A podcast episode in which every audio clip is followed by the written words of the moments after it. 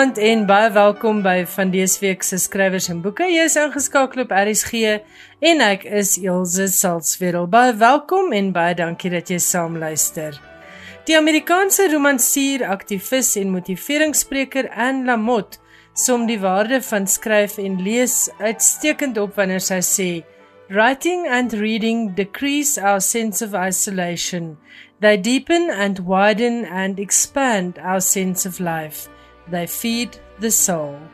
En ek glo dat alle lesers met Anne Lamott sal saamstem en ek dink dis iets waarvan die inperking ons net nog baie meer bewus kom maak het dat boeke 'n manier is om kontak te maak en ook kontak te behou met die groot wêreld daar buite of jy nou nuwe boeke lees en of jy ou gunstelinge herlees. In Finanse Skrywers en Boeke gesels Ina Strydom en Suzette Kotse Meiburg oor vier eg Suid-Afrikaanse boeke wat beslis die lees werd is. Ek gaan kyk na 'n oulike kinderboek en wat die internasionale boektoneel betref, gesels Johan Meiburg oor die wenners van die Costa Pryse. Dis nou die 5 kategorieë van die Costa Pryse.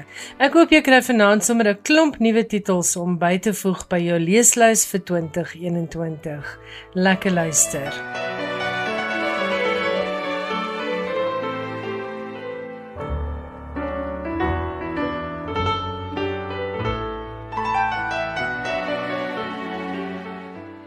François Smith se debuutroman Kampoer is in 2015 met die gesogte ATKV prosa prys bekroon en lesers is net so opgewonde oor sy tweede roman Die kleinste ramp denkbaar wat laat verlede jaar verskyn het. My kollega Ina Strydom deel haar indrukke van die boek.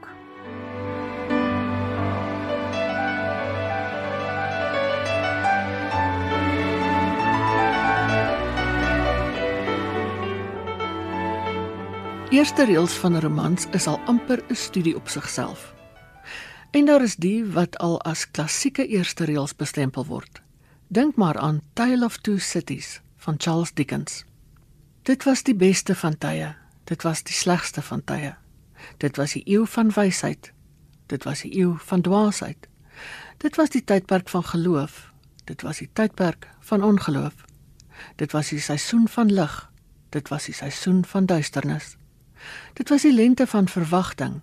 Dit was die winter van vertwyfeling. Ons het alles voor ons gehad. Ons het niks voor ons gehad nie. Ons het almal reguit hemel toe gegaan. Ons het almal reguit na die ander plek gegaan. Kortliks, die tydperk was soveel soos die huidige dat party van die luidrugtigste gesaghebbendes aangedring het dat dit slegs in oortreffende trap van vergelyking beskrywe moes word. Dit kom uit die 1966 vertaling in Afrikaans. Ek is nie seker wie die vertaling gedoen het nie.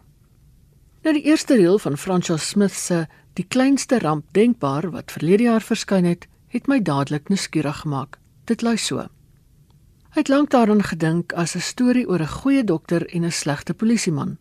Soms ook as 'n verhaal van hoekom hy opgehou het om na Mahler te luister. Dis dan veral die deel oor Mahler wat my getrek het. Die hoofkarakter in die roman, Gustav van Aert, deel dan ook sy voornaam met die komponis en sy van speel op een van Mahler se grootste werke, Die Lied van die Aarde. Mahler was, soos talle komponiste, nie juis die toonbeeld van persoonlike geluk nie. Gustav van Aert is dit beslis ook nie. Die roman is ingedeel in 5 afdelings: 'n begin, Vrydag, Saterdag, Sondag en nog 'n begin. En die verhaal speel af oor die naweek van aard die dokter op 'n vervalle platlandse dorp het 'n nuwe ontvangsdame of ontvangsvrou soos Smith dit noem Luna by sy praktyk as hy die vrydagoggend instap wag daar reeds 'n paar pasiënte insluitend die polisieman Frans Skyn wat nie 'n gereelde pasiënt van die dokter is nie maar oor wie daar blykbaar heelwat vrae is. Die dokter ondersoek hom en laat kom 'n ambulans om Skyn na die hospitaal te neem Intussen hou die dokter hom in die apteek by sy spreekkamer en gaan loer kort kort by sy koorsige pasiënt in. Die dokter vind ook 'n papiertjie vasgeklem in die polisieman se hand. Op die papiertjie is daar net 'n naam: Posha Klaas, ook 'n lid van die polisie en skyn se patrouillemaat. Die dokter probeer Posha Klaas opspoor om te laat weet van skyn. En so begin 'n soektog wat oor die hele naweek afspeel. 'n soektog na die ware aard van die verbintenis tussen die twee polisielede, maar ook 'n soektog deur die dokter se verlede na waar hy hom vandag bevind. Van aard is 'n eensame karakter. Hy woon alleen in sy huis op 'n klein koppie aan die kant van die dorp. En hoewel hy op die dorp groot geword het, het hy na sy terugkeer 30 jaar terug 'n vreemdeling geword en weet nie meer wat in die dorp aangaan nie. Die afstand tussen sy huis en die res van die dorp is ook 'n aanduiding van sy afstandelikheid. Hy meng nie met die dorpenaars nie. Hy is net in 'n WhatsApp-verbinding met sy seun Stefan wat in die buiteland studeer. En sy kommunikasie met pasiënte en mense wat hy wel teekom, loop meestal op misverstand uit. Hy gaan spreekkamer toe, hospitaal toe en huis toe. Hy luister musiek, Mahler se 9de simfonie onder andere. Hy het 'n groot belangstelling in voëls en herken al die voëlgeluide in sy omgewing, met die uitsondering van een wat hom tot sy frustrasie bly ontwyk. Maar hy raak heeltemal geobsedeerd met die polisieman skyn en die verhouding met die kollega Posha Klaas. Dan is daar ook die Kubaanse dokter, 'n voormalige vee-inspekteur en die vrou wat 'n prokureur op die dorp is. Die verhaal loop nie in 'n reguit lyn met begin, middel en einde nie. En die gebruik van magiese realisme dra by tot die veelvlakkigheid van die verhaal. Die verskuivende perspektief dra by tot die gevoel van onsekerheid, van onvasheid. Die leser is deurentyd saam met die dokter op 'n speurtog en daar's nie juis klinkklare antwoorde nie. 'n Mens kry die arme man jammer. Sy kinderlewe was nie juis gelukkig nie, al was hulle klaarblyklik redelik wel af. Miskien kom sy onvermoë om betekenisvolle kontak met mense te hê juis uit sy kinderdae. Dit is voortgesit in sy huwelik en sy vrou het hom verlaat toe hulle seun nog klein was. Die patroon van afstandelikheid word voortgesit in sy verhouding met sy seun en met die mense om hom. En aan die einde van die verhaal is daar nie duidelike antwoorde nie. 'n Mens bly wonder oor van aard. Sal hy tot rus te kom? Sal hy vrede vind? Die taalgebruik in die roman is meesterlik. Detailbesonderhede oor watter hand met watter vingers op 'n tafel rus. Presiese besonderhede oor bewegings, beskrywings van kleure en mense se kleredrag en voorkoms. Dit is byna om die dokter se onvasheid, sy soeke na vastigheid te balanseer. Smit gebruik ook mediese terminologie hier en daar, maar niks wat nie in 'n gewone woordeboek te vind is nie. Fyn, fyn beskrywings en woorde wat nie alledaags gebruik word nie, soos antimakassar, die kleedjie wat oor die rugkant van 'n stoel gegooi word om die stoel te beskerm. Die ramp in die titel van die boek word nooit uitgespel nie. Trouwens, die woord kom nie eers in die boek voor nie. Die leser moet maar besluit wat die ramp is. Is dit die siek polisieman wat van bedenklike optrede verdink word? Is dit die dokter se onvermoë om antwoorde te kry? Is dit die dokter se eensame bestaan of sy onvermoë om in sy omgewing tuis te wees? Die kleinste ramp denkbaar verskil baie van Smith se debuutroman Kampoer wat in 2014 verskyn het. Maar wat my betref, is dit een van die belangrikste boeke wat verlede jaar verskyn het. Die soort boek wat 'n mens bybly. Baie dankie Ina Strydom vir daardie weldeurdagte en baie prikkelende insetsel oor François Smith se roman Die kleinste ramp denkbaar. Dit word uitgegee deur Tafelberg. Skrywers en boeke. Alles wat jy oor die boekewêreld wil weet en meer. Nou gaan ek gesels met Suzette Kotse Meiburg, nog 'n ou bekende hier by Skrywers en Boeke. Ek dink die meeste luisteraars sal Suzette se stem onmiddellik herken. Suzette werk reeds die afgelope 31 jaar as manuskripredakteur vir verskeie uitgewers. Dit beteken sy is basies betrokke by 'n boek vanaf dit die skrywer se rekenaar verlaat totdat dit gereed is om gedruk te word.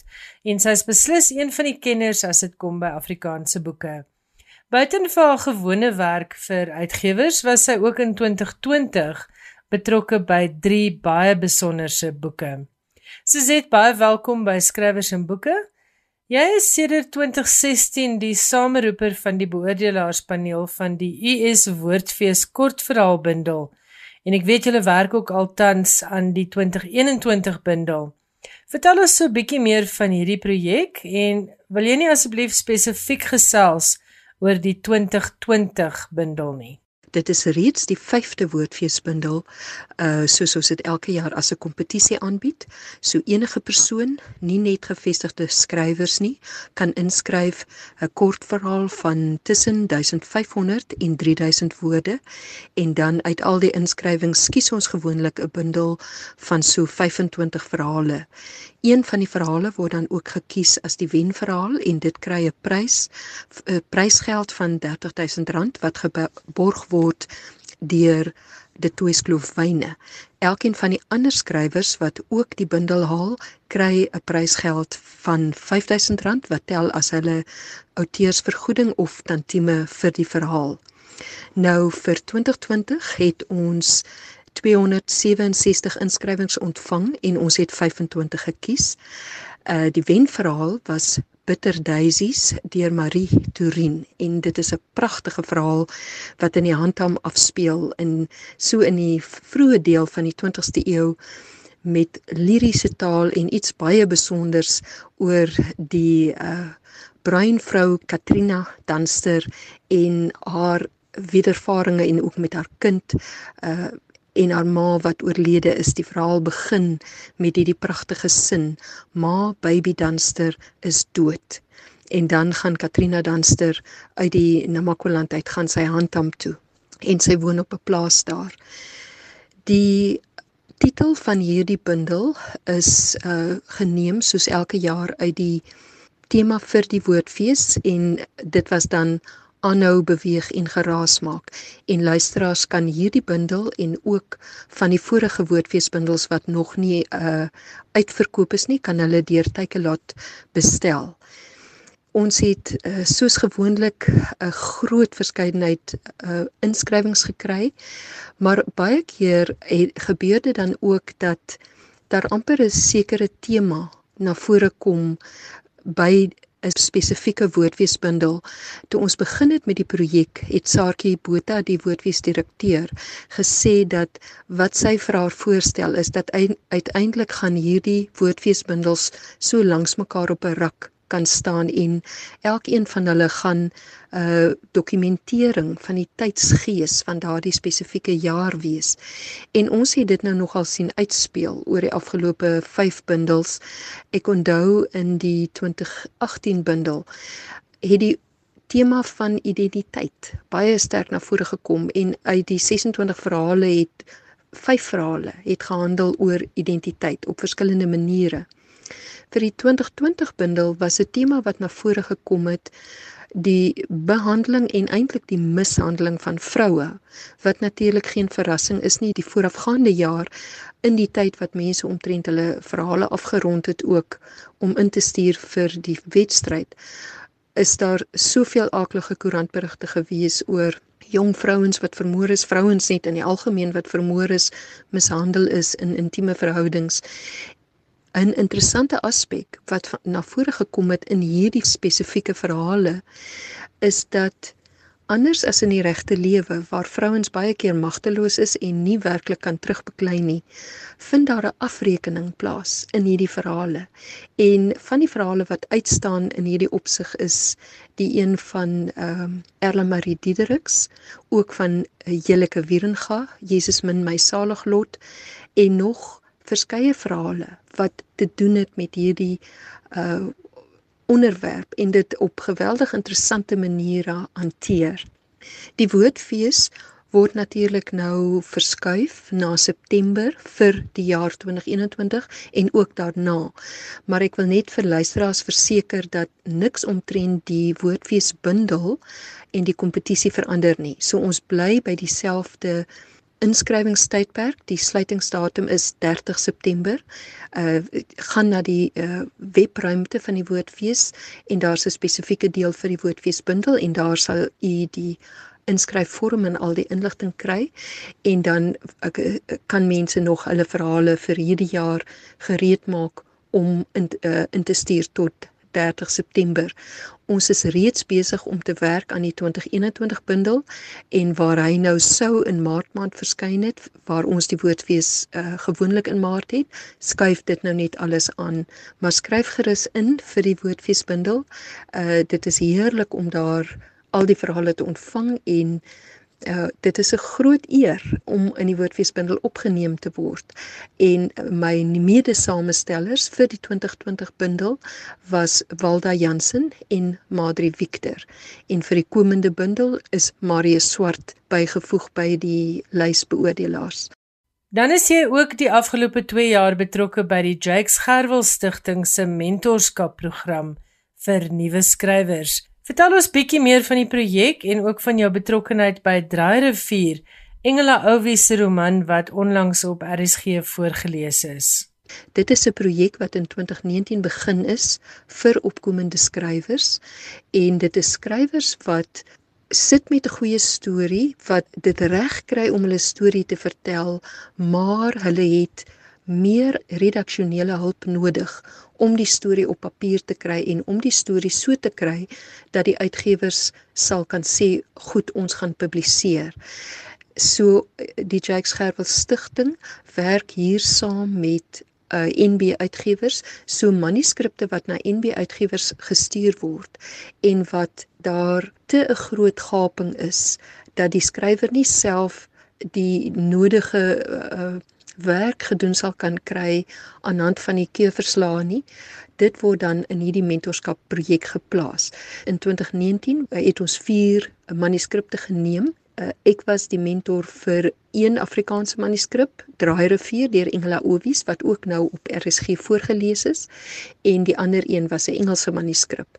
Dan eh, vir die 2020 jaar het ek 3 Afrikaanse mense as mentor opgetree en daar was 2 Engelse uh uh studente en hulle word hanteer deur Angela Bricks en ons is reeds oorgehaal om te begin met ons 2021 program. Nou Draai rivier van Engela Owies is een van daardie besonderse verhale wat geweldig eenvoudig is. Dit speel af in die Boesmeland, die omgewing waarin Engela ook groot geword het. En dit het twee storielyne. 'n Storielyn wat loop in 1955 met die hoofkarakter Sanna Jansen, wanneer sy is 17 jaar oud. Dit is die Desember vakansie net voordat sy uh matriek in matriek sal gaan en sy is 'n bietjie verlief op die buurseun Johannes. Haar pa is 'n skaapwagter en haar broer Gert help ook haar pa. Maar Johannes en Gert, die twee jong mans, uh gaan nou na die myne toe as die nuwe jaar begin. Soos wat ook baie in daardie jare gebeur het, was dit vir baie jong mans was dit uh wat werk betref, die uitkoms hulle het op die myne gaan werk en Sanna sien 'n jong meisie by die groot huis waar van meneer Bertus en mevrou Rita van Sail, die die eienaars van die plaas, waar haar ma gereeld gaan werk. En sy kan nie verstaan wat maak hierdie meisie in die huis nie. Hoekom sien sy haar net by die venster sit? Maar hoekom sien sy haar nooit andersins nie? Hoekom praat niemand oor haar nie? Hoekom wil haar ma nie praat as Sanna vra maar wie is hierdie meisie met die geel hare nie? En dan gaan Sanna eendag en sy gaan ontmoet hierdie meisie Inge. En dan kom daar 'n wat in 'n reistool sit en dan kom hierdie hele verhaal uit rondom Inge en 'n baie dramatiese gebeurtenis wat dan die tweede been van die verhaal meebring, die tweede tydslyn en dit is die tydslyn wat loop in 1970. So luisteraars wat die verhaal gevolg het op die radio sal uh, moontlik baie geïnteresseerd wees ook om te hoor hoe die mentorproses verloop het. Uh Engela het baie lank aan hierdie manuskrip geskryf. Sy het byvoorbeeld sy het nie 'n rekenaar gehad nie, sy kon nie tik nie. So sy het dit met die hand geskryf en uiteindelik het sy vir Anushka von Meck ontmoet, die skrywer en Anushka het vir haar die raad gegee en gesê: "Kry net jou manuskrip getik en dan sal ek jou help en dan stuur jy dit vir NB uitgewers." uh so daar nogal heelwat water in die see geloop voordat die boek toe uh, die manuskrip is geplaas in die mentorskap program waar ek en uh Engela toe vir 'n jaar lank het ons aan die manuskrip geskaaf. Die vorm wat die mentorskap aanneem is dat ons 4 keer in 'n jaar kom die hele groep vir 4 dae uh, bymekaar by Polethuis wat aan die stigting behoort in Somerset Oos. En dan sit en werk ons uh bymekaar ek met my eh, twee mense wat ek mentor. Ons maak beurte met hulle sessies. En dan sit en werk ons daar aan die manuskripte. Ons bespreek alles ons stryk die probleme uit, ek gee rigting en sê, "Oké, okay, nou moet jy dit en dit doen of hierdie is 'n probleem of daar kort ons 'n bietjie meer inligting."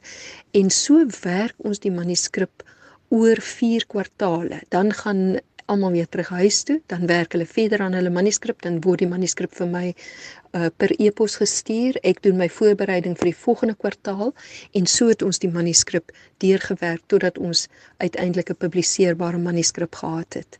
Jy was ook die mentor vir Lansdowne Deerest. Vertel vir ons asseblief daarvan. Die laaste boek waaroor ek wil gesels ook uit die Jacques Gerwel uh, mentorskap program vir 2019 is Lansdowne Dearest, My Family Story of Forced Removals en dis geskryf deur Bronwyn Davids. Dit dis 'n aangrypende verhaal, dis 'n memoir eintlik oor Bronwyn se kinderjare en haar grootwordjare. Sy het 'n baie interessante familie. Hulle kom van Skotse afkoms, van Madagaskar, van Portugal, plaaslike mense. Haar ouma grootjie was van Somerset Wes. Sy was Afrikaans. Sy het getrou met hierdie Skotsman, Joe McBain. En die oupa grootjie het omtrent in 1920 het hy 'n groot erf van uh, is eintlik 'n klomp kleiner erwe wat saam een eiendom gevorm het van so 2000 vierkante meter. Het hy vir die familie uh, uh, hierdie huis gebou. Hy was 'n uit in die boubedryf gewerk en ook oor die jare 'n pragtige tuin aangelê met vrugtebome en hoenders en makoue en ganse en groente en blomme.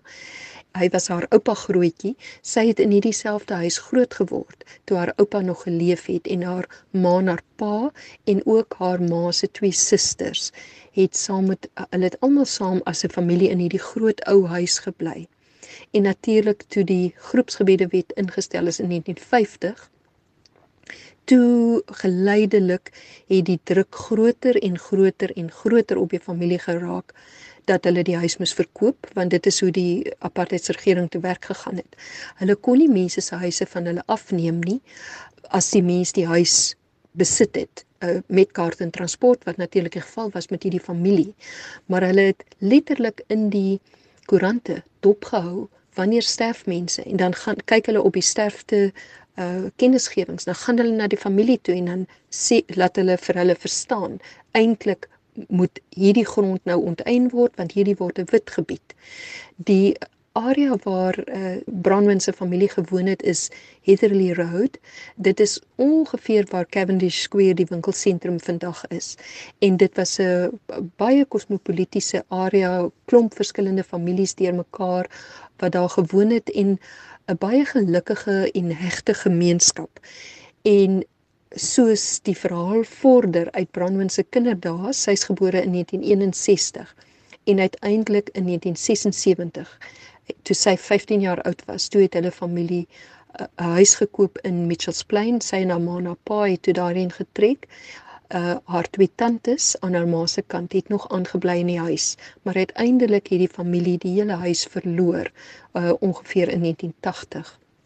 So dis 'n baie aangrypende boek, maar ten spyte van die hartseer gegewe en die hartseer onderwerp, is dit eintlik 'n boek wat 'n vervloë leefwyse oproep hoe die familie die etes wat hulle gehad het Kersfees, Nuwejaar, Paasfees want hulle was 'n Katoliek, so dit dit is natuurlik al die feeste in die kerkkalender is gevier. En dan ook hoe hulle handwerk gedoen het, hoe lief hulle vir musiek was, hoe gereeld hulle gaan kuier het by familie in die platteland, ook by Goedverwag, die sendingstasie daar in Pietperse omgewing. Dis 'n pragtige boek.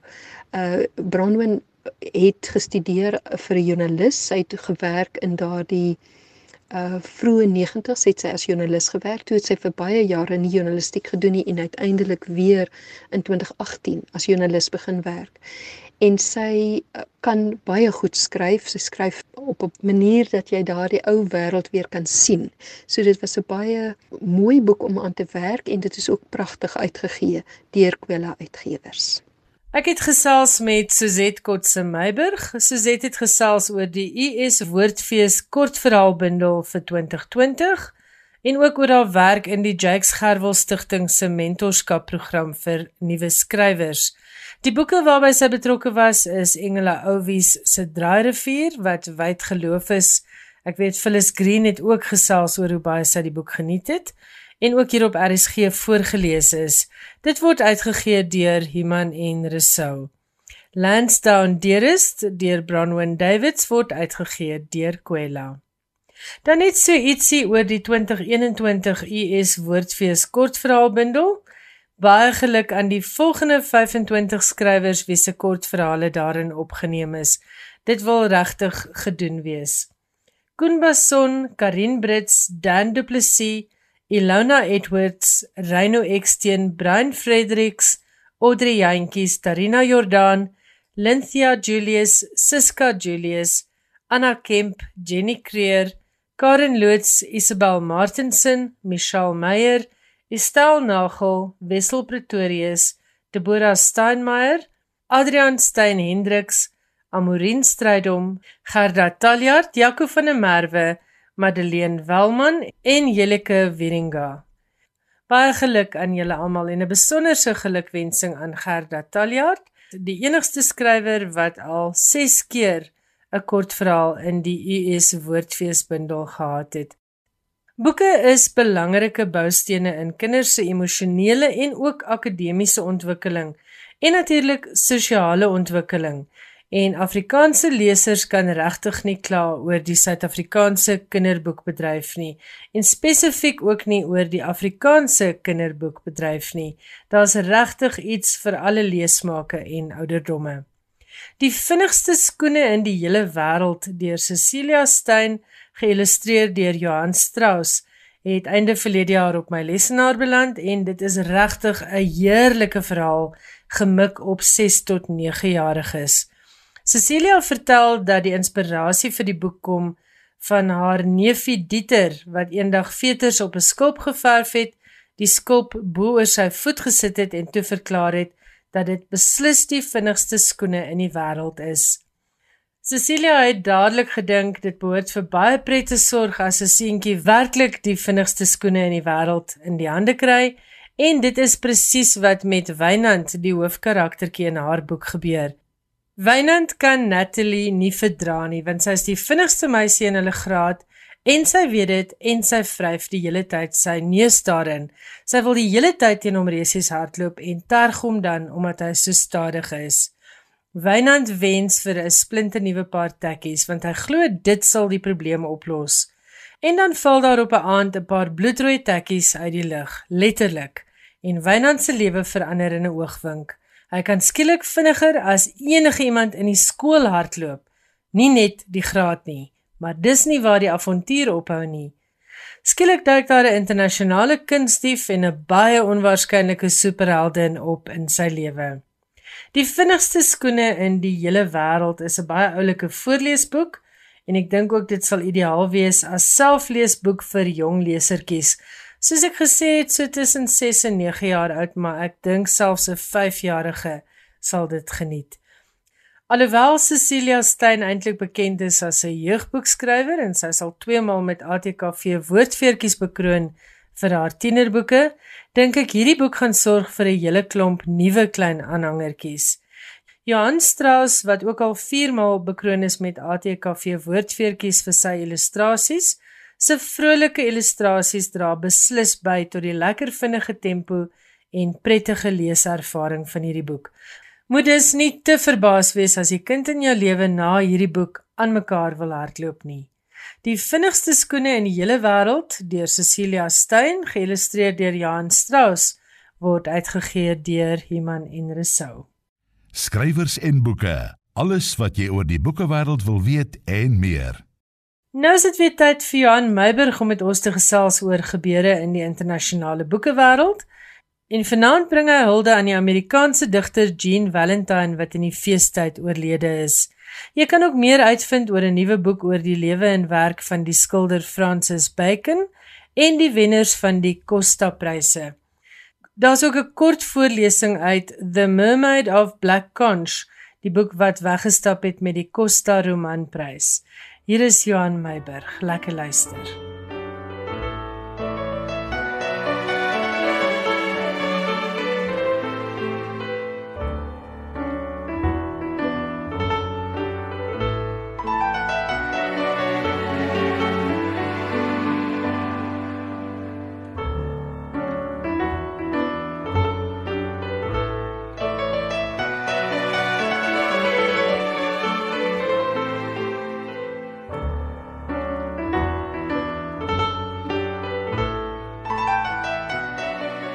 Jean Valentine, die Amerikaanse digter wat in 2004 met die National Book Award bekroon is vir haar versamelbundel Door in the Mountain: New and Collected Poems 1965 to 2003, is net voor Nuwejaar dood.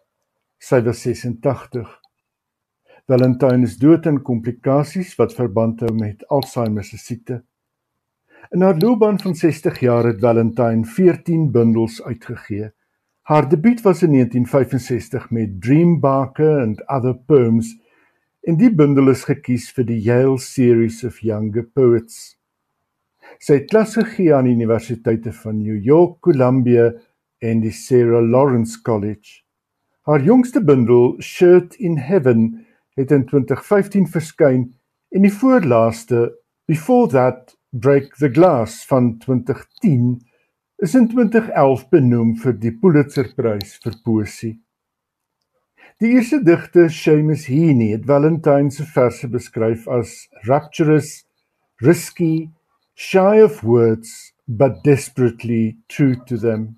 In 'n huldeblyk in die New York Times is sy beskryf as 'n minimalistiese digter, maar een met maksimum trefkrag.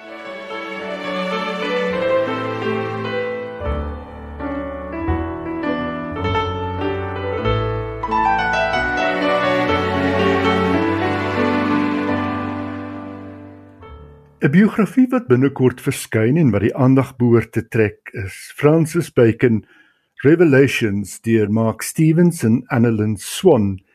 Die twee skrywers wat 'n Pulitzerprys ingeoes het met hulle biografie oor die Amerikaanse kunstenaar Willem de Kooning. Stevens en Swan het 10 jaar lank deur Bacon se persoonlike dokumente gesif met volle samewerking van die Bacon nalatenskap en wyd navorsing gedoen om hierdie bepalende biografie te skryf oor een van die 20ste eeu se vernaamste skilders. Francis Bacon Revelations bied 'n vollediger en meer geskakeerde beeld van Bacon wat geleef het van 1909 tot 1992 as wat tot dusver gepubliseer is. Aanduiding is dat die boek 'n raps minder as R1000 sal kos.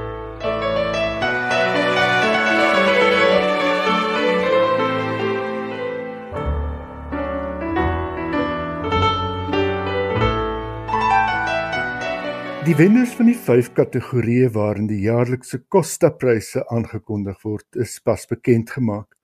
Maar die afwagting is nog nie heeltemal verby nie. Einde van die maand word uit die 5 wenners die 2020 Costa Boek van die Jaar aangekondig. Die pryse wat deur die koffiereus Costa geborg word, word gereken as een van die 10 grootste literêre pryse vir verdienstelike boeke deur Britse en Ierse skrywers. Voor 2006 het die prys bekend gestaan as die Whitbread-prys. Die wenners van die kategoriepryse ontvang sowat R100 000 elk en die algehele wenner iets soos R625 000.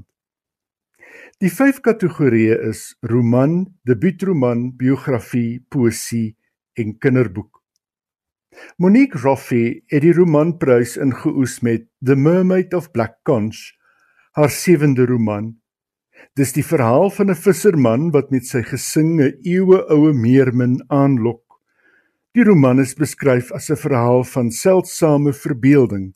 Daar is avontuur, daar is fabel en daar is wonderlike mitologie opgesluit in die roman. Roffie het met die sege onder andere 'n skrywer soos Susanna Clark met haar lankverwagte nuwe roman Piranesi uitgestof. Die debuutromanprys is toegekend aan Ingrid Persol vir haar Love After Love, 'n boek wat geplaas is in Trinidad en die verhaal vertel van die onkonvensionele huishouding van Betty Ramden, haar skaamseun Solo en hulle loseerder, ene meneer Shetan. Die boek is aangeprys vir sy uitbeelding van onvergeetlike karakters en die energie en die styl waarmee sy skryf.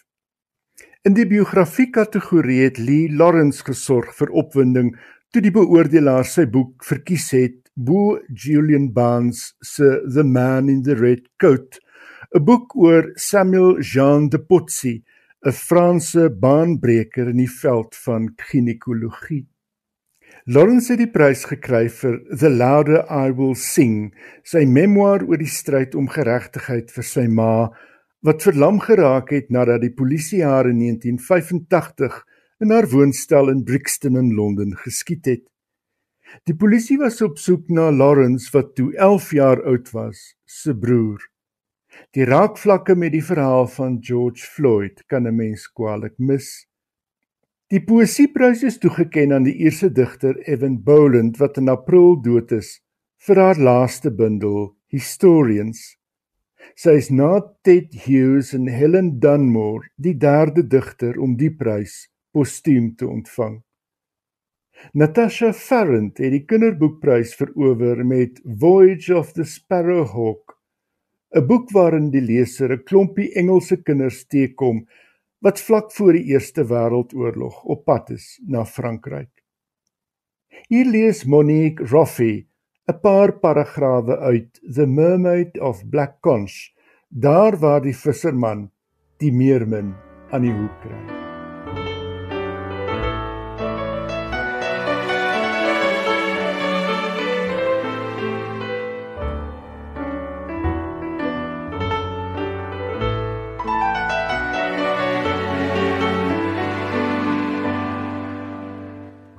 thing's about to come up, shouted the father. Son of a goddamn bitch is coming up. Keep your rod up.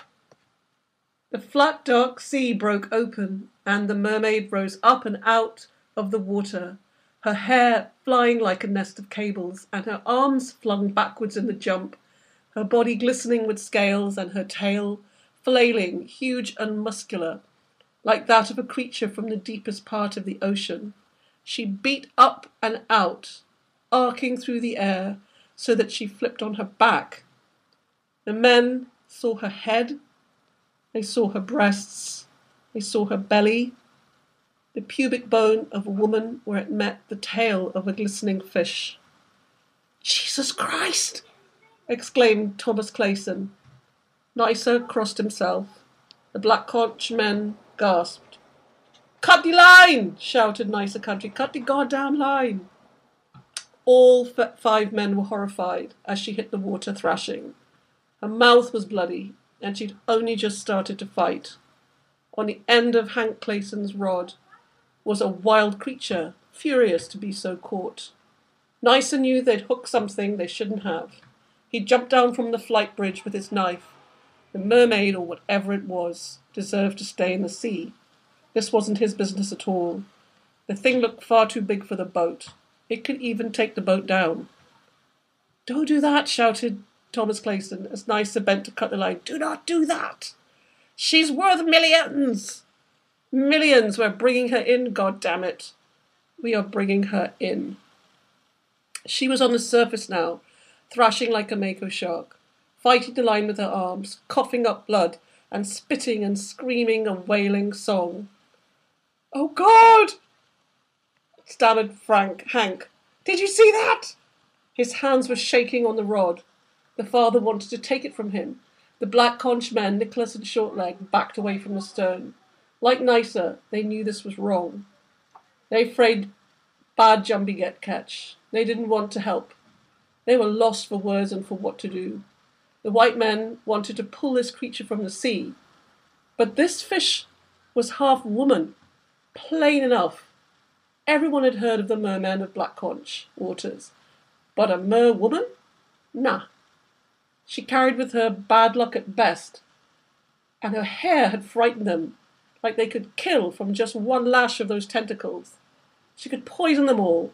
They'd seen spikes on her back, dorsal spikes, scorpion fish spikes. They had seen a bloody, raging woman on the end of a fishing line, and now these white men wanted to bring her in? Nah, boy, they all said to themselves. The mermaid was now under the surface again. The younger Clayson's face was full of terror and excitement. Hold her, shouted the father. What does it look like I'm doing? The son snapped. Keep backing up on it. Thomas Clayson shouted to Nicer. Nicer had begun to see dollar signs. It had been if it had been him alone, he would have thrown her back in the sea. But the talk made him realize this could make him enough money for another boat, a new car, even a small business of his own. Imagine that. He threw the throttle into reverse and slowed the boat down. The engine hummed. Nysa could feel his own curiosity grow. How much could she fetch? He backed the boat slowly onto the fish. The line had stopped going out. The younger Clayson was lifting and lowering his rod, lifting and lowering, and the line was now coming back onto the reel as fast as he could turn the reel handle. The mermaid had gone back under for now. That thing must weigh like, what, 600 pounds, said Thomas Clayson. The ocean was flat and empty again. There was silence apart from the sound of the reel ticking over. Did you see her? said Hank Clayson. Hell yes, said the father.